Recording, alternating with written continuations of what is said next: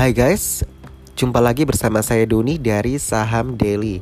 Kali ini kita mau review satu saham yang hampir setiap hari ditanyakan di Instagram Saham Daily kita, yaitu saham PT Indosat Tbk kode emitennya ISAT ya.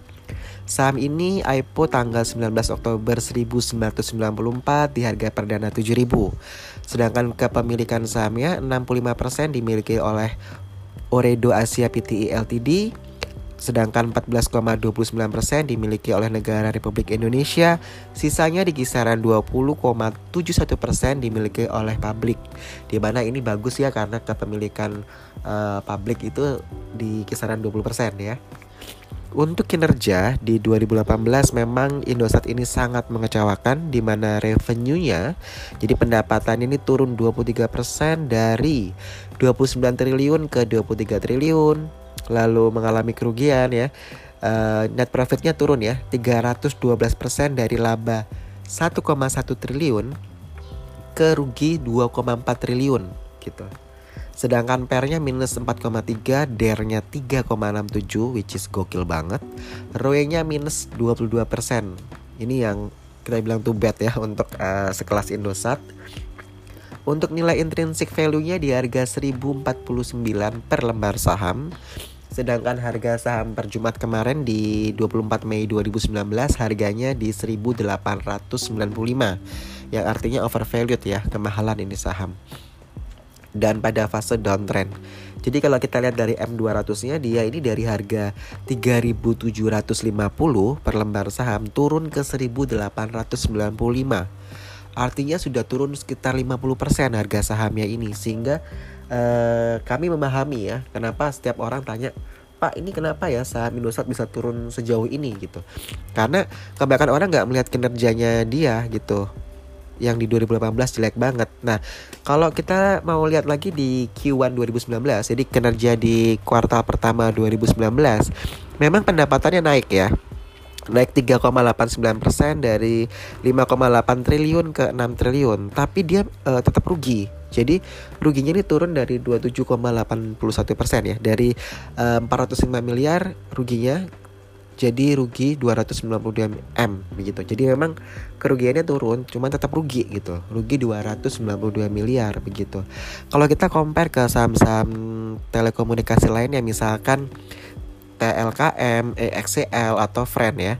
Oke, kita lihat kinerjanya TLKM ya.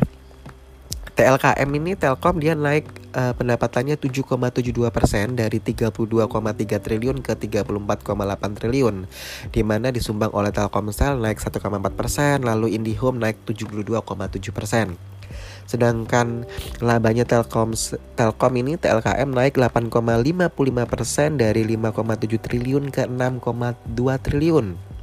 Untuk Excel ya, EXCL ini pendapatan di Q1 2019 naik 8,47% dari 5,5 triliun ke 5,9 triliun. Diikuti oleh kenaikan laba juga ya. Jadi labanya Excel juga naik ini naiknya luar biasa yaitu 270,64% dari 15,43 M ke 57,19 M. Untuk Friends sendiri pendapatannya naik 17% ya dari 1,2 triliun ke 1,4 triliun. Friend ini um, termasuk dalam grupnya Sinarmas ya. Untuk uh, rugi dia turun 38% ya untuk Friend di Q1 2019 di mana sebelumnya dia rugi 684 M menjadi rugi 424 M. Jadi ruginya menyusut ya untuk uh, Friend boleh dibilang uh, untuk pendapatan laba kotor ya uh, yang Indosat kan memang hanya naik 9% sedangkan operator-operator telekomunikasi yang lain naiknya di kisaran 28 sampai 30% ya.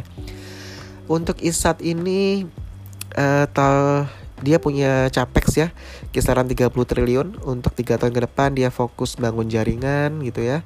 Un uh, sebentar. Saya lihat sepanjang Q1 2019 Indosat ini menghabiskan 2,2 triliun begitu. Yang jadi pertanyaan sebagian besar orang, uh, saya harus invest di Indosat atau tidak? Karena harga lagi turun nih.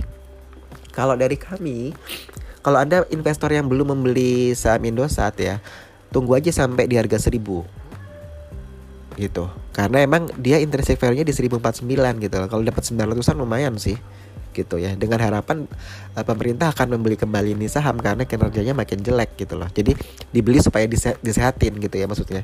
Jadi uh, tunggu momen itu aja gitu loh. Kalau untuk trader biasanya kan kita uh, trader uh, on news ya kalau misalkan ada berita bahwa uh, Indosat akan merger dengan uh, Excel atau dengan Friend langsung harganya naik. Nah mungkin trader masuknya di situ di day trader di scalpernya. Tapi kalau untuk investor misalkan sudah ada yang beli di harga 3.700 sekarang di harga 1.800 sudah rugi ya. Dia uh, pilihannya average down tapi mau average down sampai sejauh mana gitu. Tapi kalau investor yang belum masuk ya saran saya sih uh, tunggu aja karena kita lihat kinerjanya dia di Q1 2019 seperti apa gitu apakah dia akan membukukan laba atau dia tetap rugi? Nah kita nggak tahu kan. Jadi terlalu beresiko karena risk and rewardnya nggak dapat gitu loh.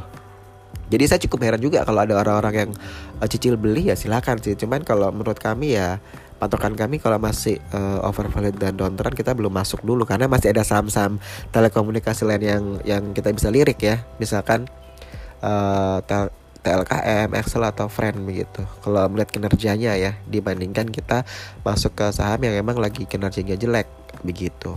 Itu dari kami. Saya Doni dari Saham Daily out.